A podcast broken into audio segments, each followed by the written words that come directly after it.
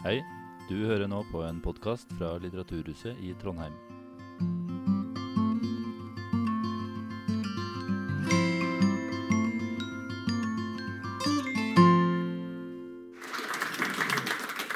Ja, tusen takk, tusen takk Vebjørn, Og, og tusen takk til dere som, som er her. Det er et stort privilegium å, å være ute blant folk. For det har vi fremdeles ikke i så veldig stor grad muligheten til i Oslo.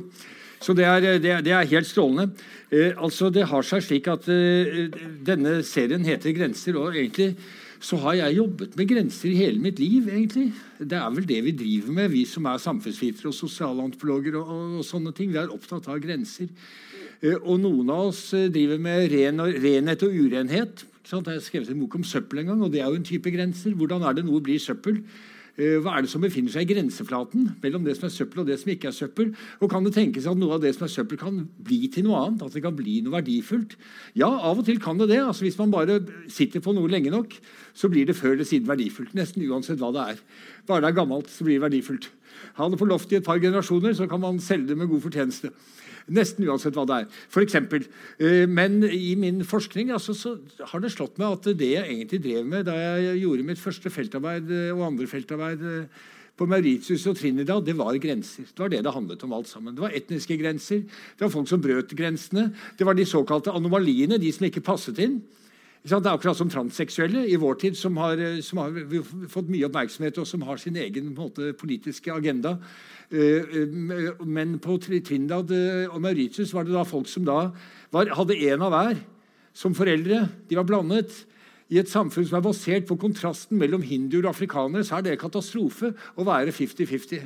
Så var det en kar da, som vant Calypso-konkurransen, den nasjonale Calypso-konkurransen i 1961 som kalte seg Dugla. og Det er et hindiord som betyr bastard. Det er litt nedsettende. ikke sant? Og Han hadde sangen 'Split Me In Two'. Og Den handlet da om eh, en sånn fantasi som folk på Tindal får, for de er veldig fantasifulle eh, folk med mye humor. Eh, i offentlig kultur på Trinidad om at sett at de nå fant ut at det var en dårlig idé å bosette folk på denne karibiske øya. Så nå skulle alle reise tilbake der de kom fra, eller der forfedrene kom fra. Så noen ville bli sendt til Afrika, og noen til India. Men hva skulle de gjøre med stakkars meg? For han var 50-50. Han var en av hver. I'm uh, six of one, half a dozen of the other, som han synger i, i refrenget. Så, så, mye av det jeg har, har, holdt på med, har handlet om grenser. Uh, men da jeg fikk oppdraget av Per Bjørn om å snakke om uh, erkjennelsens grenser, så var det en, en litt, liksom, litt, tøff bestilling. Og jeg tenkte litt rundt det. Og jeg begynte å tenke på det for en stund siden, men det var først i dag tidlig, da jeg våknet og hadde veldig lavt blodsukker, at jeg begynte å tenke på Napoleon. Eh, eh, eh, og Sammenhengen er følgende. Altså jeg, har, jeg har noen lidelser. så Jeg ble diabetiker for noen år siden. og Det betyr at jeg må passe litt på blodsukkeret. Og Får man veldig lavt blodsukker, så kan det være litt kritisk. Da må man skynde seg å få i seg noen karbohydrater. Men hvis man har veldig høyt blodsukker veldig lenge, så er ikke det så bra, det heller. For det ødelegger indre organer, og du blir blind, og du får nyresikt, og du må amputere beina. Og, og det er mange sånne ting. da. Så du skal prøve å holde blodsukkeret relativt jevnt. Ok, eh, I går formiddag var jeg med på en podkast ute i Lier. Eh, altså, Sammenhengen kommer etter hvert. Eh, og, og, Det var et drivhus. Veldig artig kar altså, som ble denne podkasten som han kaller Drivkraft. For det er fra drivhuset hans, hvor han dyrker forskjellige planter. mais og salat og, og sånt. Og der fikk jeg napoleonskake. Og så spurte han napoleonskake. Liksom, ja, vet du ikke hvilken dag det er i dag? Jo, det var 200-årsdagen for Napoleons død på Sankt Helena. Den napoleonskaken spiser jeg ikke der, men jeg tok den med meg hjem. Og spiste den i stedet i går kveld. Eh, og det som kjennetegner napoleonkake, er at den er ganske rik på karbohydrater. Eh, og når en diabetiker spiser et stykke napoleonskake sent på kvelden, så tar han litt ekstra insulin. Og det var det jeg gjorde. Men jeg tok kanskje et par eh, doser for mye, eller et par milliliter for mye. Og Derfor våknet jeg altså i dag tidlig med lavt blodsukker. Så det var Napoleons feil. Eh, for Hadde det ikke vært for ham, så ville ikke jeg ha våknet i dag med lavt blodsukker. Eh, men da kom jeg i tanker om temaet for eh, dette foredraget slik det opprinnelig var planlagt. Og Da ville jeg snakket om hvordan Napoleon blir oppfattet i ulike land. Altså det at De samme begivenhetene blir tolket på helt forskjellige måter i forskjellige kontekster. Og Det er ikke fake news, men det har noe å gjøre med kampen om sannheten. Kampen om hvilken sannhet som skal gjøres relevant. I Storbritannia forteller de én type historie om Napoleon som en kjeltring som gjeninnførte slaveriet. Som var en tyrann som drev med felttog og, og la mange lik bak seg. Mens i Frankrike har man andre historier om Napoleon, hvor han veldig lenge, nokså entydig i offentlig fransk diskurs, ble fremstilt som en stor helt. ikke sant? En stor nasjonsbygger og en visjonær, selvfølgelig imperiebygger. Men i Frankrike har det nå de siste årene vært ganske mye kontroverser rundt Napoleon. Altså, det har vært uenighet om, uh, om, hva man egentlig skulle si om ham. Det er litt som med Winston Churchill ikke sant? og, og med andre store menn og damer. Carl von Linné. ikke sant? Vi har hatt disse debattene her også. Det var mye med Napoleon som ikke var noe særlig. Og, og kanskje vi burde ikke nødvendigvis rive ned noen statuer, men skrive om historien litt. Fordi Fortiden er jo ikke trygg. Den forandrer seg jo hele tiden. Fordi Fortiden tilpasses jo hele tiden nåtidens ønsker og behov. Ikke i den forstand at man finner på, men at man velger ut og tolker og setter inn i nye rammer. Eh, så, så dit, dit, kom jeg, og jeg kom også et, stykke lenger. Jeg satt og noterte, Men så satt Per Bjørn og jeg nå og snakket litt sammen før dette møtet, og da slo det meg at uh, noe av det som uh, noe av det viktigste med hensyn til grenser i våre dager.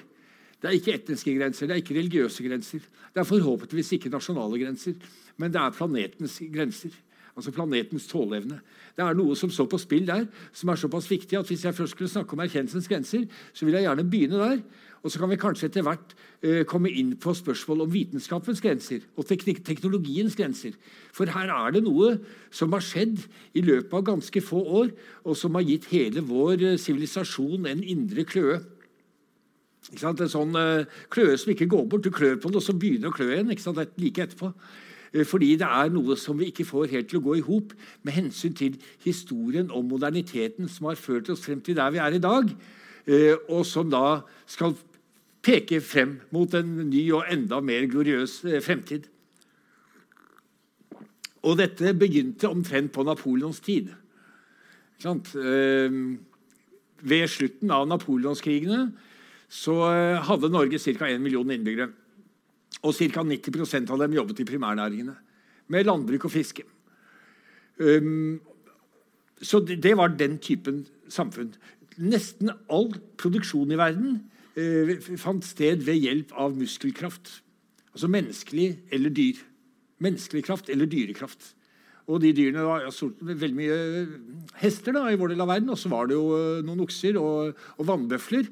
Men det aller meste var manpower. Altså, det var rett og slett menneskelig energi som var innsatsfaktoren i økonomien frem til ja, litt før napoleonskrigene. Og Da begynte det å skje ting i visse land men i de fleste land begynte jo disse tingene å skje mye senere. Som andre ord, Begynnelsen på uh, den type modernitet som uh, vi nyter godt av nå, men hvor vi har en kløe, en indre kløe, en opplevelse av at det er noe som ikke er helt som det skal, og som kanskje får konsekvenser ikke bare for nåtid og fremtid, men også for fortiden. Fordi fortiden som sagt forandrer seg. Uh, det, det begynte på det tidspunktet. Så la meg begynne med å snakke litt om det om, eh, om historien, om, uh, historien om uh, modernitet. Altså, jeg vil ha liksom, min innfallsvinkel til historien om modernitet. Og så reise spørsmålet om hvor vi befinner oss nå, når vi nå nærmer oss planetens tålegrense. Vi er egentlig langt over planetens tålegrenser. Altså, det, er en, det er en årlig dag som kalles Earth Overshoot Day. Og det er den dagen vi har brukt opp liksom, det vi har av ressurser da, på planeten. Altså, vi har ikke brukt opp alt, men det vi har å gå på. Eh, mer bør vi ikke bruke. Ikke spør meg hvordan de har beregnet eh, dette, men det er det da forskere som har funnet ut av. Og Earth Overshoot Day blir tidligere og tidligere for hvert år. Ja, altså I 2020 ble det kanskje litt senere, men det skyldes helt andre forhold. Uh, som jeg ikke skal komme inn på her. Men litt tidligere for hvert år. Og sist jeg så etter, det var vel i 2018 eller 2019, så var Earth Overshoot Day i begynnelsen av august. Altså det vil si at vi da hadde trengt ca. 1,6 eh, planeter for at den skulle være bærekraftig, for at den skulle kunne reprodusere seg selv. Og Denne kunnskapen er jo ganske godt kjent. og Jeg skal eh, fortelle litt mer om den type kunnskap etter hvert. Men først tilbake til Napoleon. Ja, ikke akkurat Napoleon, da nå er vi ferdig med sant? men eh, til hans tid. Og den enestående, de enestående endringene som skjedde i vår verden rundt den tiden. Og Når jeg sier vår verden, så mener jeg strengt tatt hele planeten, selv om veldig mye av dette hadde sitt utspring i uh, Europa. Mye av det som hadde sitt utspring i Europa, kom fra Kina og fra India og fra Midtøsten. Uh, men det var her uh, den industrielle revolusjonen fant sted. Noe enkelte skyld, mener skyldes rett og slett at det var lett tilgjengelige kullressurser like under overflaten. Sånne steder som i Rudalen og i, i Sør-Wales og, og, noen andre steder. Altså at man fikk tak i enkel lett å utvinne, store mengder, billig, flyttbar. Det er det som er det fantastiske med kull. kan flyttes, ikke kan da lagres eh, i årevis og være like bra eh, energiressurser. Som da bidro til å erstatte alle de menneskene og hestene og vannløflene som, eh, som hittil hadde stått for eh, all eh, energiinput i produksjon. Så her skjedde noe. En måte å lese denne historien på Altså den Historien om den industrielle moderniteten nå snakker jeg ikke om den kulturelle moderniteten, som er litt annerledes, og som nok begynte noe før, i alle fall blant intellektuelle. Ikke blant folk flest, men, eh, men blant intellektuelle. Men den industrielle moderniteten som transformerte planeten i løpet av 1800-tallet på dramatiske måter eh, En måte å lese det på er å tenke litt om, eh, om historien som det man i deler av evolusjonsteorien kaller punctuated equilibrium.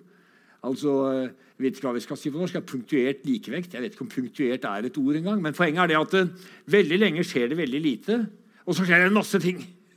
Og så får man noe helt annet. Og så skjer det veldig lite en stund, og så kommer det liksom en sånn voldsom uh, eksplosjon av endringer. I evolusjonshistorien skyldes disse dramatiske endringene ofte klimaendringer. Så det er såpass enkelt. Um, en eh, biolog som skrev om eh, han som innførte begrepet 'punctuated equilibrium'. På 1970-tallet var eh, Stephen J. Gould. Og jeg lurer på om vi ikke av og til kan bruke det samme bildet og samme, måte, det samme verktøyet til å beskrive teknologiutvikling. Altså, tenk bare på eh, transportteknologi. Hvordan det altså, i 2000 år skjedde relativt lite. Det var jo forbedringer av det som fantes. Større skip, Skjønt altså Kineserne hadde faktisk dobbelt så store skip som europeerne i år 1400. Så hadde det kommet til et sjøslag, så er det ikke noen tvil om hvem som hadde vunnet. Men da hadde Kinas keiser bestemt seg for at de skulle slutte å erobre nye territorier og slutte å handle med barbarer og, og holde seg på en måte til, til, til seg selv. Men eh, så Skipene ble større, og de kunne seile lenger og de kunne ta flere mennesker. Men det var i grunnen de samme båtene altså, som romerne hadde. Bare liksom litt større og, med litt bedre seil. og og litt bedre teknologi. Men en, en gradvis forbedring av noe som fantes. Og Hvis Ludvig den 14. skulle reise fra Paris til Roma, så ville han reise omtrent på den samme måten og det ville ta omtrent like lang tid som hvis Julius Cæsar skulle reise fra Roma til Paris. Sant? Altså 2000 år før. Det hadde skjedd relativt lite innenfor transportteknologi. Eh, på, på, på, på, 2000 år. Innenfor kommunikasjonsteknologi hadde jo skjedd noe mer pga. Gutenberg først og fremst. Og, og papiret, eh, som gjorde at uh, tekster ble, ble, billigere. Men hvis vi holder oss til transport, skjedde ganske lite. Og så kom slutten av 1700-tallet. Så kom varmluftballongen. Og tenk dere hva den innebar. Altså For første gang var det mulig å se Paris ovenfra. Ingen hadde noensinne før sett Paris ovenfra, annet enn fugler. Og de kom jo ikke ned og fortalte oss hva de hadde sett. Så tenk dere hva det gjorde med persepsjonen eh, å kunne gå opp i en, en varmluftballong. Brødrene Gondolfier som, eh, som, fant opp denne. Og Så gikk det noen få år, eh, og så oppdaget man at nei, denne dampmaskinen som hadde vært liksom nærmest et leketøy. ikke sant? Eller Man hadde liksom prøvd å bruke noen ting, men ikke, den hadde ikke kommet så veldig langt med det. Den kunne man For det første, man kunne fyre den opp med kull. Den var veldig mye mer effektivt enn ved. Og Dessuten hadde man jo hogget ned alle skogene, så det var ikke noe trær igjen i England. og, og, en del andre steder, så man måtte ha kull. Men kullet var også veldig mye mer kompakt og eh, kraftfullt, potent, enn eh, en veden. Eh, og, og, så kom da det lykkelige ekteskapet da, mellom kullet og dampmaskinen, som ble transformert, eller overført til transportteknologi eh, tidlig på 1800-tallet i form av dampvognen, senere kjent som toget, eh, og, og dampskipet som gjorde det mulig å seile til Amerika fra Europa på bare et par uker. Da har det tidligere tatt måneder. Eh, stort, stort fremskritt. Men det gikk bare et par tiår fra dampskipet før man hadde telegrafen. Og så kom den undersjøiske telegraf. Den første vellykkede undersjøiske telegraf ble åpnet ja, Jeg skal forklare hvorfor jeg sier alt dette. her, ok? Det handler om hastighet. Det handler om hastighet og fremskritt og utvikling og modernitetens uh, selvforståelse. Vekst. Fart. Effektivitet. Altså bare, tenk på det, bare tenk på hvordan de snakker om Zoom-møter i våre dager. Ja, øker produktiviteten. ikke sant? Fordi folk slipper jo å flytte på seg og sparer mye penger på kontorleie. Og, og, blir, og møtene blir bare så effektive. Du får gjort så mye. Uh, og 5G uh, eh, altså Den eneste grunnen til at uh, eh, 5G regnes for å være bra, det er at det går fortere. så vidt Jeg har skjønt. Jeg har ikke sett noe annet argument. Så ikke tro at dette med besattheten av hastighet er noe vi har lagt bak oss. Eh, jeg akkurat nå eh, har et bitte lite sideprosjekt hvor jeg ser på konflikten rundt uh, Gudbrandsdalslågens delta. Så er Gudbrandsdalslågdeltaets venner, som er en miljøorganisasjon basert i Lillehammer-traktene, som er ekstremt kritiske til byggingen av ny trasé for E6 over Gudbrandsdalslågen. For det går da gjennom et våtmarksområde som er fredet, for det er nasjonalpark. Og hvor det er en del eh, vadefugler som driver og hekker. altså. Og våtmarker eh, er jo en truet eh, biotop altså, i vår verden. Mye mer enn mange er klar over. De blir drenert, de gjøres om til rismarker og kjøpesentre og forsteder og motorveier. Og den eneste, Hvorfor sier jeg dette? Jo, det eneste, det eneste argumentet for å bygge ny E6 over Gudbrandsdalslågen i Delta, i naturvernområdet, det er at man vil spare noen minutter på å kjøre til Trondheim. Så, da, så hastighet er i seg selv et argument. Det trenger ikke å begrunnes ytterligere. Og det er interessant ikke sant? når vi nå er gått inn i en ny tid, hvor vi må tenke litt annerledes om hvordan vi skal leve, hva slags samfunn vi skal ha, hvilke verdier vi skal bygge samfunnet på, og hvordan vi ser for oss fremtiden. Da må vi tenke nytt om eh, hastighet. Så tilbake til 1860-tallet. Jeg skal oppholde meg der litt til eh, for å, for å liksom eh, føre, føre, historien frem til, til, nåtiden, hvor vi har havnet i en, i en slags blindvei. Altså, det er jo det som har skjedd. Vi har, vi har kommet til et sted hvor veien ikke går videre. Og, og vi må se om vi ikke finner en annen, eh, en annen utvei. En annen retning. Men 1860-tallet eh, Den første undersjøiske telegraf fra England, eller rettere sagt fra Irland til eh, Canada. Den korteste veien over Atlanteren. Men man hadde jo da landtelegraf sant, fra de store byene, fra New York og Philadelphia til, til London. Den ble åpnet i 1868. Og da tok det plutselig bare noen minutter å sende et budskap med morsesignaler fra London til New York. Tenk dere det. Altså, da Napoleon eh, dro til St. Helena, hvor han da tilbrakte tiden ikke ved å bake kaker, ikke ved å skrive sine memoarer Han gikk liksom rundt, hadde noen møter, kjede seg. Man mente at han kjedet seg til døde, og at det var derfor han ikke levde lenger. Han var, men han var der i seks år. da for St. Helena et av mest, en, av de, en, av de, aller mest isolerte øyene i hele verden. Ligger sånn omtrent halvveis mellom Angola og eh, sø, sørlige Brasil. Skal se det for dere. Eh, men altså ikke, La oss ikke snakke om, eh, om, om, Napoleon i denne sammenhengen. Men da Napoleon døde for nøyaktig 200 år siden og én dag, så tok det flere måneder før folk i Nord-Amerika fikk vite om det. Tok flere måneder fordi det var så lang tid det tok for uh, budskap å flytte seg over Atlanteren. Og så gikk det en generasjon, uh, en drøy generasjon, og så tok det plutselig bare noen minutter. Altså det, det, det, det, betydde en del. Så den dagen, dagen etter at denne første vellykkede kabelen De hadde jo prøvd noen ganger og ikke fått det helt til. første vellykkede kabelen mellom London og New York var åpnet, så skrev The Times i London i en lederartikkel at uh, ja, nå har, nå har, vi sendt det første telegrammet til New York. Og dette må være den største prestasjonen i menneskehetens historie siden byggingen av pyramiden i Giza. Nå skal ikke jeg, jeg er manisk digressiv, nå skal jeg ikke si noe om Napoleon i Egypt. ok? Selv om det er fristende. og opphavet til moderne egyptologi. Men, eh, men altså, og jeg har av og til tenkt i ettertid at uh, daggeren skal se at de hadde rett at det var faktisk en så sensasjonell eh, hendelse at alt som har skjedd etterpå, egentlig bare er en fotnote til den første undersjøiske eh, telegrafen.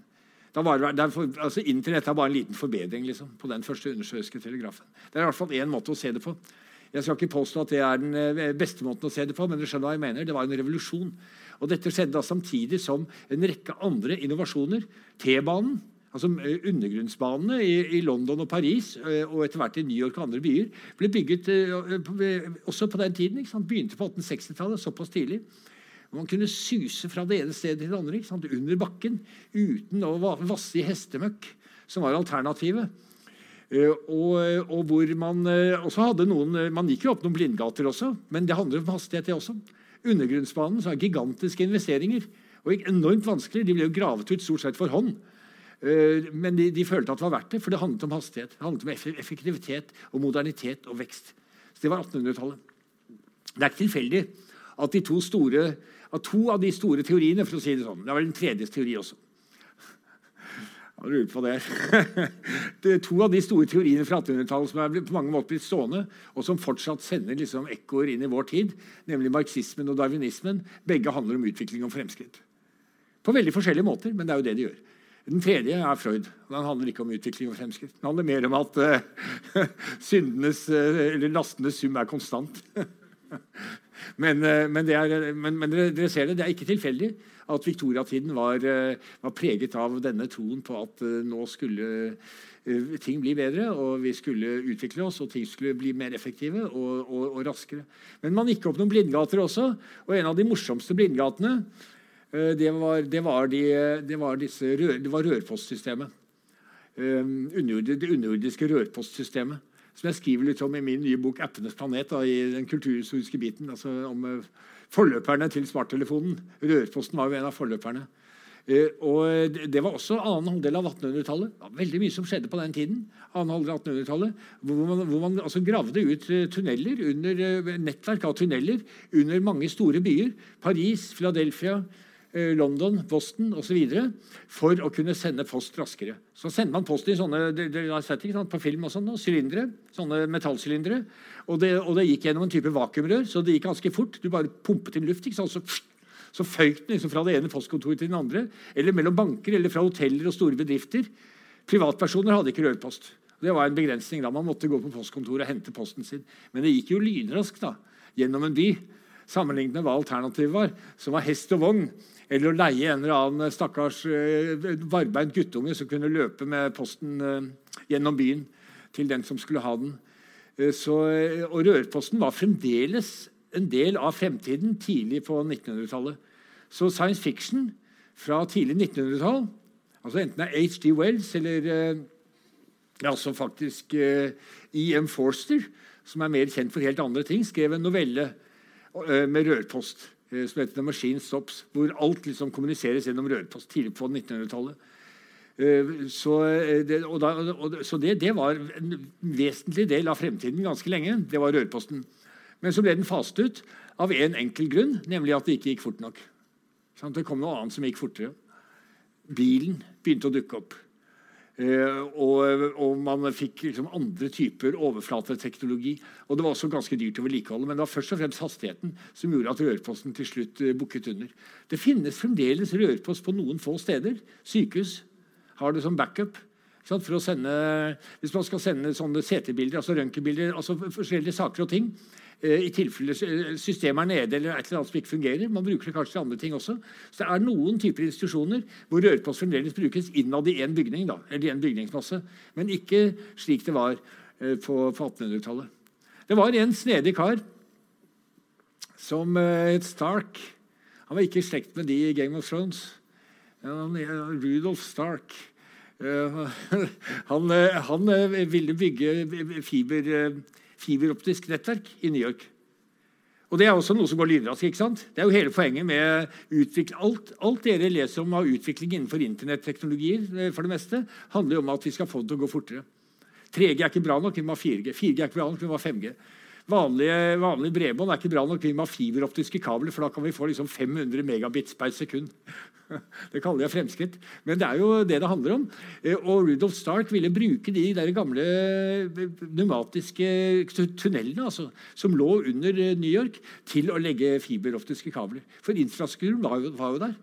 Det er jo lag på lag med ulike typer kabler og ledninger og rør i, i en, by, en storby som New York. Lag for lag. Og i et av de lagene var det altså noen uh, ubrukte uh, rør som uh, tidligere, et par generasjoner før hadde vært brukt til rørpost. Det ble ikke noe av det, men det, er, det var en morsom tanke. og Jeg skulle nesten ønske at han hadde fått det til. Det var en slags gjenbruk. På, på, sett og vis, og som prøver å oppnå det samme, men denne gangen med varer eller produkter som veier mindre enn ett gram. Nemlig elektroniske meldinger. Men det er den samme logikken. Så med andre ord, hastigheten den har, den har vært med oss hele tiden. Uh, siden uh, litt før kanskje napoleonskrigene. Som et mål. Og, okay, og, da er vi over i skal jeg bare følge med? Ja, dette går bra. så jeg alltid pleier å si etter denne korte innledningen Nei da.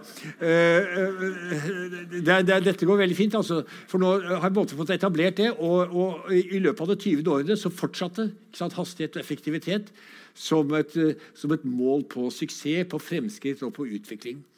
Men noe av det vi etter hvert har kommet til å forstå, det er at denne, mye av denne hastigheten en ting er at eh, Man kan stille spørsmål om den er bra for livskvalitet. Er den bra for erkjennelsen? Eller gjør den at liksom, hjernen blir til en slags grøt når det går for fort? Eh, informasjonen kommer for fort. Det er for mye av det. Det er blitt knapphet for knapphet med hensyn til informasjon. Uh, det er, en type, type, spor man kan følge. Men et annet type spor som går mer på det materielle. Ikke sant? Ikke Matrix, men den verden som er bak The Matrix. Uh, det handler om de planetære grensene, om planetens tåleevne. Eh, om ikke denne hastigheten, om denne frenetiske eh, vekstlogikken eh, fører til noen utilsiktede bivirkninger som nå etter hvert er i ferd med å bli større enn de tilsiktede virkningene. Og Her ligger det et stort paradoks i, i moderniteten. Altså historier om, historier om modernitetens fremvekst de snakker gjerne om at vi i menneskehetens kulturhistorie har vi gått gjennom noen faser. ikke sant? Og så plasserer man disse vannskillene på litt ulike steder. Noen vil si at det er skriftrevolusjonen. ikke sant? Eh, for noen er det plogen. Eh, og for noen er det metallene. Og for noen er det byene. Mange av disse tingene skjedde jo omtrent samtidig i, eh, i den, det vi kaller den fruktbare halvmåne, men også i Kina. Og etter hvert også andre steder. Og så kom staten imperiet. Boktrykkerkunsten etter hvert, som jo var avgjørende sant, for, for, en del endringer. Og så kom gradvis kom fremveksten av moderne vitenskap.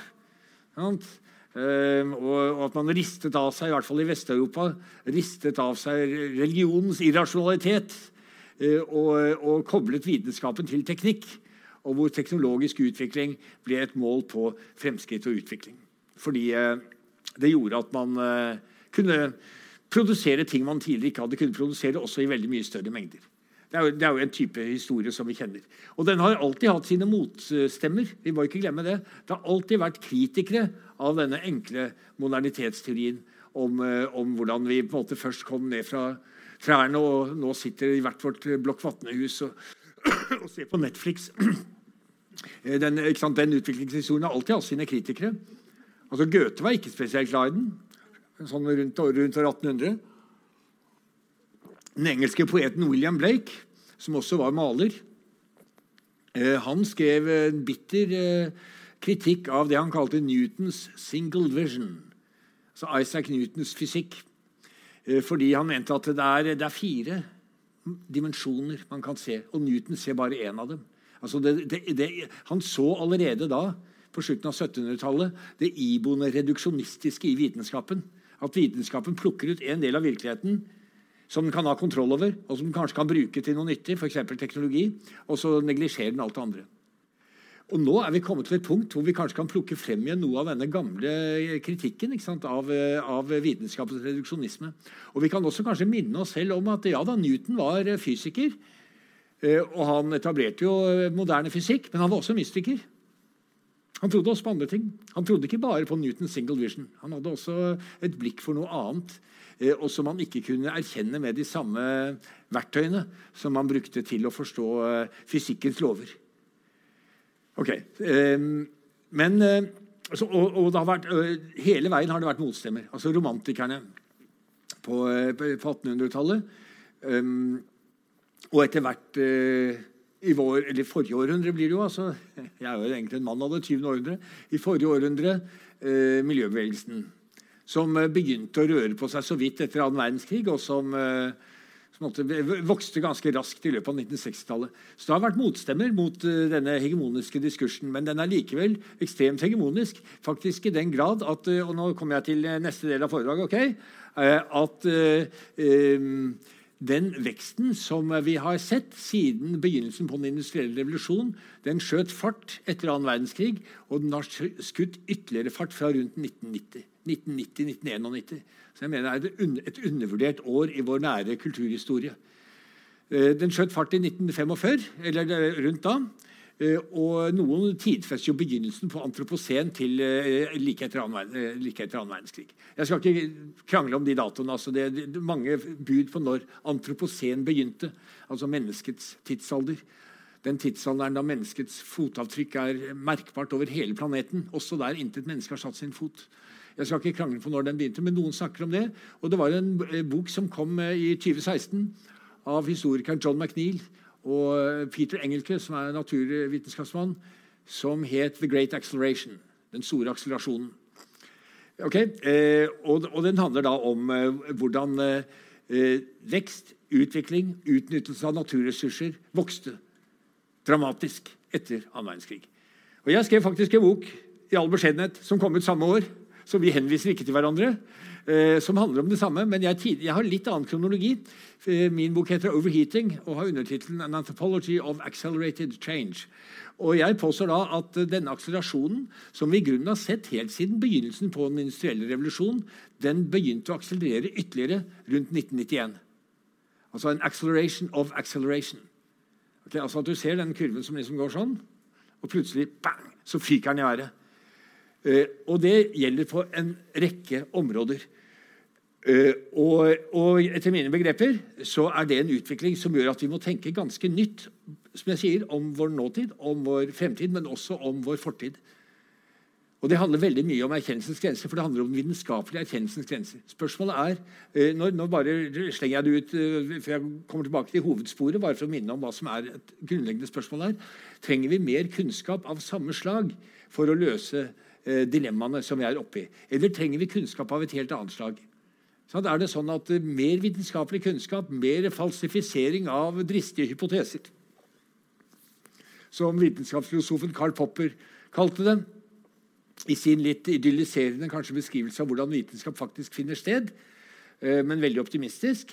Er det mer falsifisering av dristige hypoteser vi trenger, eller er det en helt annen type kunnskap? Bør vi begynne i en helt annen retning?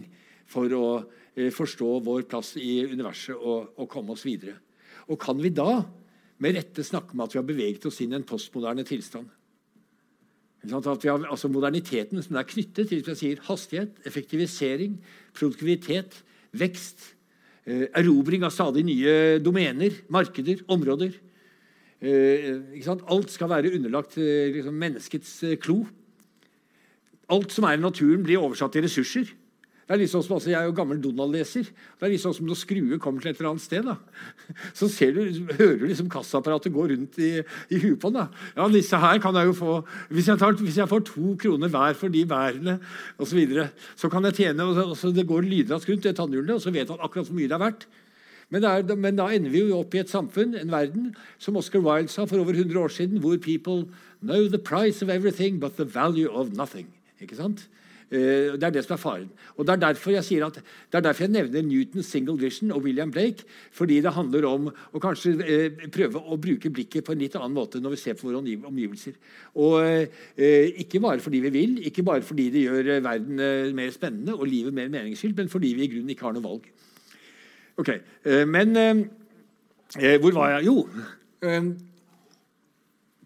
Akselerasjonen av akselerasjon. Eh, altså Rundt 1990-1991 så skjedde det ganske mye. Ikke like mye som eh, på den tiden jeg beskrev eh, for litt siden, altså hvor man fikk veldig mye ny transportteknologi og kommunikasjonsteknologi i løpet av veldig kort tid. Det er jo den, på mange måter den tiden britene er nostalgiske for. Altså hvis man tenker på Hva er det som er fortiden for et land? Alle skikkelige land har jo sin fortid. Men de fortidene befinner seg jo på ulike tidspunkter. I Frankrike tror jeg nok den franske revolusjonen er en viktig fortid for dem. For det var da de fremsto som liksom et progressivt, moderne land. ikke sant? De hadde lagt mye av dette gamle slagget bak seg med adelen og, og dette støvete tøvet som de drev med på Versailles. Eh, I Norge er det nok bondesamfunnet stadig, som er fortiden. Når man snakker om gamle dager, så er det bondesamfunnet. Altså Hyttekulturen i Norge er veldig knyttet, veldig forankret i noen sånne bondesamfunnsidealer. Eksempel. Norsk distriktspolitikk. I Storbritannia så er det den industrielle revolusjonen. Det er Victoria-tiden. Det er det som er fortiden for dem. Så tenk på det neste gang dere er der, hvis det blir mulig å reise dit igjen. Men man kan jo se det på Internett eller på film. Eh, at det er eh, veldig mye nostalgi knyttet til eh, industrialiseringen. Damp, tog, steam engine age, altså. Rett og slett. Fordi det var da de vokste seg store og fete og ble verdens ledende makt. Annet takket være den historiske tilfeldighet som besto i at det var store, lett tilgjengelige kullressurser på deler av øya. Og at de hadde hogget ned alle trærne i løpet av kort tid. så de, ja, ikke alle, men de aller fleste, så de måtte skynde seg å finne ny energi. Og Som viste seg å være en fantastisk eh, ressurs som de, eh, som, som de, gjorde dem i stand til å eh, erobre hele verden. Dette er en kort versjon av en lang historie, men dere, men dere, dere, dere ser hvor jeg vil. Altså Alle skikkelige land har den fortiden.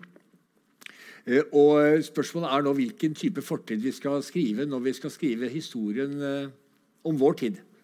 Hvilken type, og, hvordan, og, og, hvilken type fortid trenger vi nå for å kunne komme videre i en riktig retning? Kanskje det er William Blake og, og Goethe, for alt hva jeg vet. Men eh, jeg må komme videre. Altså, Rundt 1990-91. Underkommunisert år. Riktignok ikke like viktig som de årene på 1800-tallet.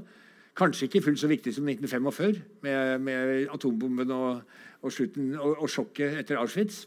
Som, som, var et virkelig kald fisk i ansiktet altså på hele menneskeheten. I hvert fall den delen av verden som vi bor i. Eh, at vi kunne gjøre noe sånt. For det var jo vi som gjorde det. At vi kunne gjøre noe sånt med jødene og sigøynere og homofile. At vi kunne gjøre noe sånt mot Japan. Altså det, det, det, sjokket det, det, gjorde jo at FN fikk en spesiell rolle i en, en, god del år, som de bevarte en god stund. Men 1991 og 1990-91 var også viktig, for da kom altså Internett for fullt. Herr og fru Smith kunne gå inn i butikken og kjøpe seg et internettabonnement. Riktignok kunne ikke bruke det til så mye, for man hadde jo ikke noe nett å surfe på ennå. World Wide Web kom først et par år senere. Men da kom det til gjengjeld uh, with a vengeance. Det kom lynraskt. Uh, World Wide Web, Sånn 1992-1993. De nye mobiltelefonene sånne som du går rundt liksom, og du vet ikke hvor du har telefonen, for den er så liten. Eh, altså Så sent som eh, 1990-91 så hadde jo ikke folk mobiltelefon. Telefonkioskene var vanlig. Det var 6000 telefonkiosker i Norge. Og alle måtte gå rundt og alltid ha på seg noen kronestykker i tilfelle de måtte ringe til noen. Dere som er unge, for dere er dette merkelig historie, men altså eh, Sånn var det. Og, eh, så telefonkioskene var vanlige, og folk hadde jo telefonen sin på telefonmøbel i gangen. ikke sant? Som var en sånn halvoffentlig del av boligen. Hvor du ikke var helt privat, men du var litt mer privat enn man hadde vært midt i stua. Så man hadde den gjerne i gangen, og så hadde man kanskje en liten stol ved siden av hvis man hadde plass. Og så var det en sånn liten brodert duk Husker du det? Som telefonen sto på. Og i mange tilfeller så sto det også ved siden av telefonen et askebeger. Så tidene forandrer seg. Eh, så, så, slik levde det eh, da. Altså, sånn levde vi da. Eh, og så kom mobiltelefonene. og Plutselig kunne vi nås når som helst og hvor som helst av hvem som helst. I løpet av ganske kort tid. Det er en revolusjon med hensyn til kommunikasjon. Kanskje like viktig som boktrykkerkunsten på sin måte. Og mobiltelefonene, Internett, slutt på den kalde krigen så plutselig var det bare kapitalisme overalt, med noen få unntak. Som Nord-Korea og Cuba. Altså små, ubetydelige land som ikke har noen som helst uh, innflytelse på, på verdensøkonomien. Uh, India åpnet opp sin økonomi, som hadde vært nokså statsdrevet og drevet etter nokså sosialistiske prinsipper helt siden selvstendigheten. Det skjedde også tidlig på 1990-tallet. Eh, og Kina, hadde å, I Kina hadde man jo allerede noen år før begynt å snakke om at det spiller ingen rolle om katten er svart eller hvit, bare den fanger mus. Det var Deng Xiaoping som sa i en tale jeg tror det var 1979, men det var først på 90-tallet at Kina virkelig begynte å ta av som økonomisk makt. Og, og, en faktor som jeg ikke har nevnt, eh, eller ikke snakket nok om, men som jeg nå skal si en setning om, som også er avgjørende for å forstå hvordan vi plutselig ble slynget inn i en helt ny tid fra tidlig 1990-tall, det er eh, containerskipet. Containeriseringen av skipsfart som er en fascinerende historie. Jeg anbefaler alle å lese om det, altså, fordi eh, det har så stor betydning for globaliseringen. Skal man skjønne globaliseringen, så kan man begynne med to gjenstander. og Det er smarttelefonen og så er det containerskipet. Okay? Jeg sier ikke at det er fullstendig, men det er de to viktigste objektene altså, som definerer uh, vår tid. Uh, også begge handler om hastighet og volum og vekst og utvikling uh, på, på, måter som kanskje undergraver seg selv. Kan, hvor man kanskje sager over den grenen man selv sitter på. Men, eh, men altså, containeriseringen hadde liksom begynt så smått fra 1960-tallet. Eh, og så begynte noen å bygge om havner, slik at de kunne ta imot containerskip. Rederier eller rett sagt skipsverft begynte å bygge containerskip som var tilpasset, ikke sant? sånn at de kunne få plass i akkurat så mange shippingcontainere på, på båten. Veldig plasseffektivt. Eh, og etter hvert så kom det jernbaneskinner som gikk helt ned til havna og helt opp til fabrikken. Så man kunne bare laste konteineren på, omtrent på fabrikken og så kjøre den ned til havna. Hvor en ny kran løftet den opp og satte den på båten. Noe som gjorde at man kunne kvitte seg med hundretusener av eh, venstreradikale, fagorganiserte, eh, problematiske, kranglevorne havnearbeidere. Så det var et fantastisk fremskritt, akkurat som man kvittet seg med gruvearbeiderne da man bestemte seg for å gå over til open pit mining. Altså at man I stedet for å grave tunneler, som er ganske skånsomt for miljøet, for da kan det vokse gress oppå, det kan gresse kuer og det kan vokse trær. Så graver man bare opp og, og, og, river bort all vegetasjon og jord og stein helt man kommer til mineralene. Og Det er mye billigere, og du trenger ikke å ansette så mange. Det er altså det, som jeg har skrevet om. Unnskyld at jeg sier det. Men altså, øh, dagens kullgruver de minner mer og mer om oljeplattformer. De har noen få høyt gasjerte, lojale ansatte som sitter høyt oppe i svære anleggsmaskiner med en Pepsi Max ved siden av seg og, og høre på ACDC i headsetet. det er jo australske gruvearbeidere jeg har jobbet med. Eh, og så skyfler de unna store mengder stein og jord og planter for å komme til det dyrebare kullet eller jernmalmen.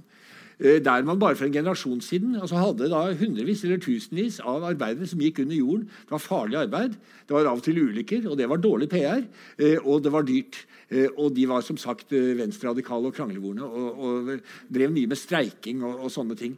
Og kullgruvearbeiderne har vært avgjørende for fremveksten av demokratiet i land som Storbritannia. Fordi altså, Kullgruvearbeideren hadde en type makt som en professor i sosialantropologi bare kan drømme om. For de kunne skru igjen krana. ikke sant? Det er akkurat som det bildet av det hydrauliske despotiet i land, land, eller samfunn som er eh, avhengig av irrigasjon. At den som sitter høyest, eh, øverst oppe i elven, han bestemmer over de andre, for han kan skru igjen krana. Han kan bygge en demning. ikke sant? Han kan stoppe flyten av vann. Det er, en, det er, en, teori som nå er diskreditert, men som er diskreditert, det er morsom. Men når det gjaldt kullgruvearbeidere, var det samme. De kunne stenge energitilførselen. De kunne få hele maskineriet, dampskip, tog, fabrikker til å stoppe opp hvis de gikk til streik. Så de, de, hadde enorm forhandlingskraft i, i Storbritannia på 1800-tallet. Og hadde ganske stor betydning for fremveksten av både fagbevegelsen og, og, og demokratiet i Storbritannia. Men sånn er det ikke lenger. altså Nå er kullgruvene mer sånn som det, sånn som det jeg sier. Eh, og eh, Apropos eh, vekst. altså Hvis dere ikke tror på vekst, nå skal jeg gi dere noen tall. På, på, på, vekst eh, og utvikling, som det heter. Men først må jeg si litt mer om containerskipene. Fordi eh, containerskip, eh, altså Uten containerskip ville kinesiske økonomiske mirakler vært umulig. Fordi transportkostnadene ville vært så høye.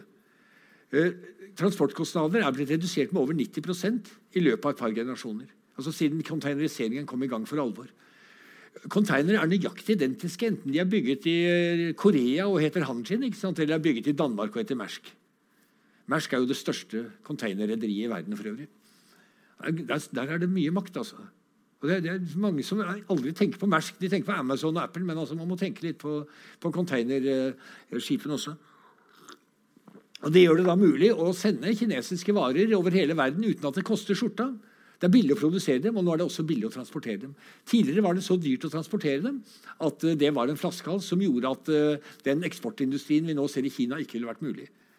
Noen av de første så skal jeg ikke si mer om containerskipene, bare en setning til, ok? Noen av de første til entusiastisk å omfavne containeriseringen, det var uh, skotske whiskyprodusenter. Okay? Og du skjønner hvorfor. Altså det som skjer altså I gamle dager, når det var sjauere som jobbet på brygga, så var det alltid litt svinn. ikke sant? Altså Man mistet jo en kasse i bakken. Altså. Og da liksom, var det litt mer svinn av skotsk whisky enn av andre ting. Men nå kunne de altså få jernbaneskinnene helt opp til eh, destilleriet, Fylle det opp med kasser sånn og sånn, og sånn, sånn ikke sant? og kjøre ned. Få en kran til å løfte det. sånn.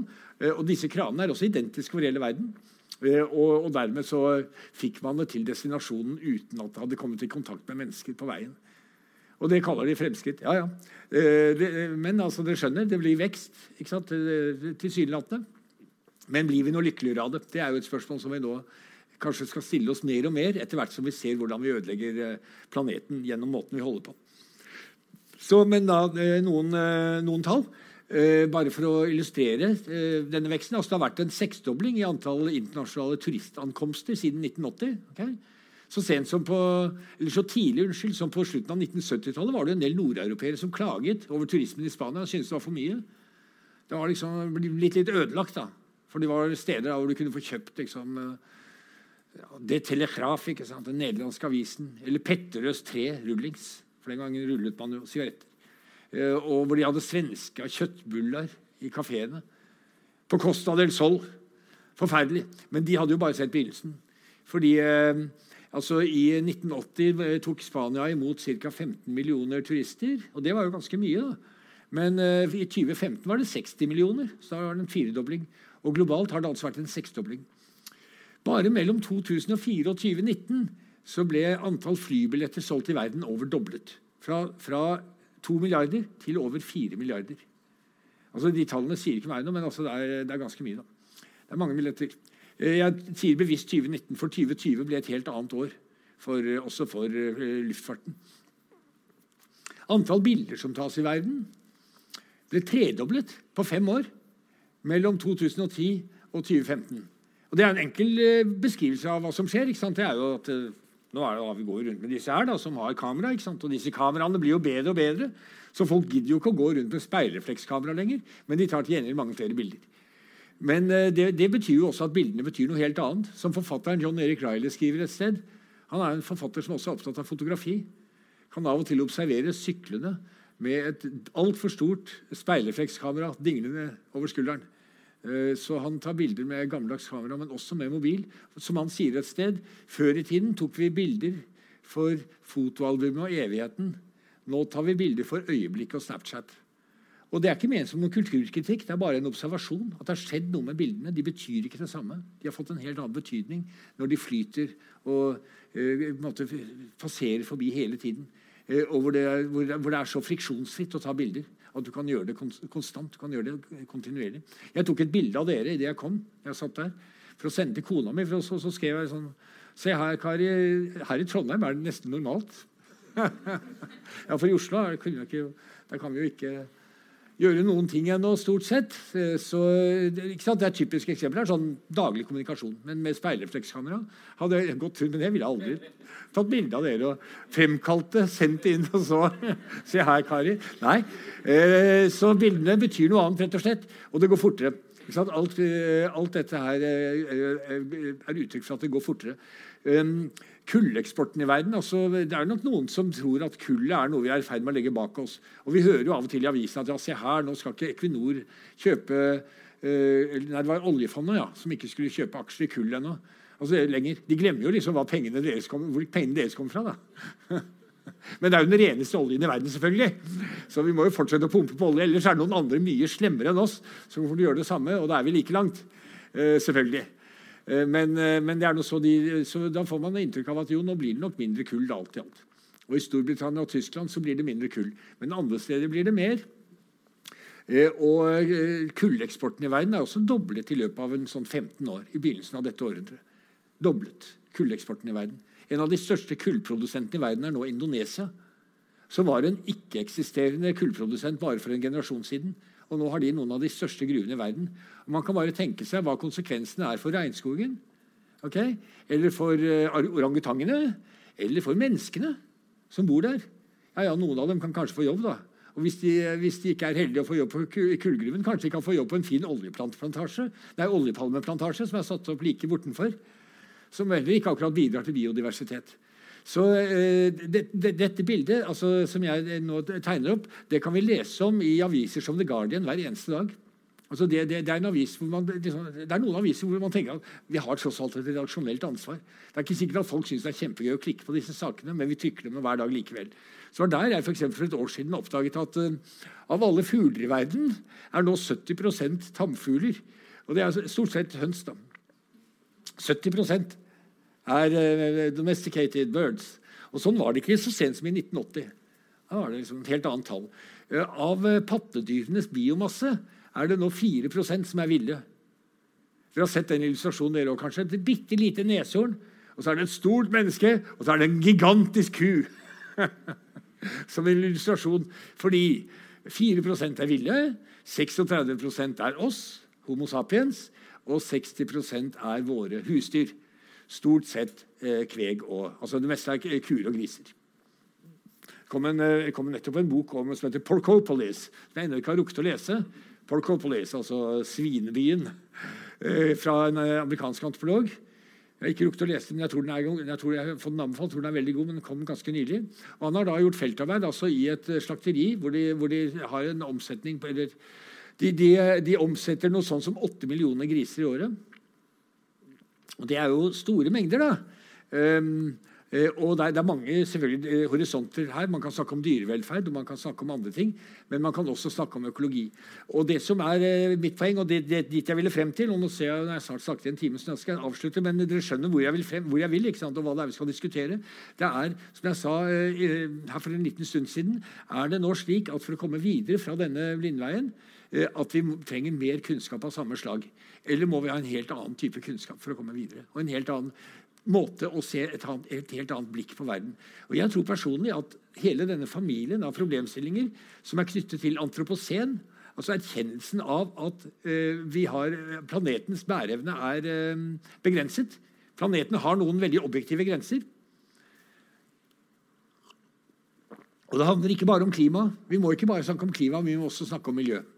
Som er noe annet. Artsutryddelse har ikke nødvendigvis noe med klima å gjøre. Plast i havet har ikke nødvendigvis noe med klima å gjøre. Men det er jo ikke bra likevel. Eh, så det at man bare snakker om klima, det er en form for ansvarsavskrivelse fra politikernes side på to måter. Det ene er at uh, nå, nå, gjør vi det så abstrakt at det blir umulig å gjøre noe med det. Og Så skriver vi under på noen avtaler for å gi inntrykk av at de er veldig bekymret og veldig opptatt av dette. her. Og Det andre er at nå flytter vi bevisbyrden over på borgerne.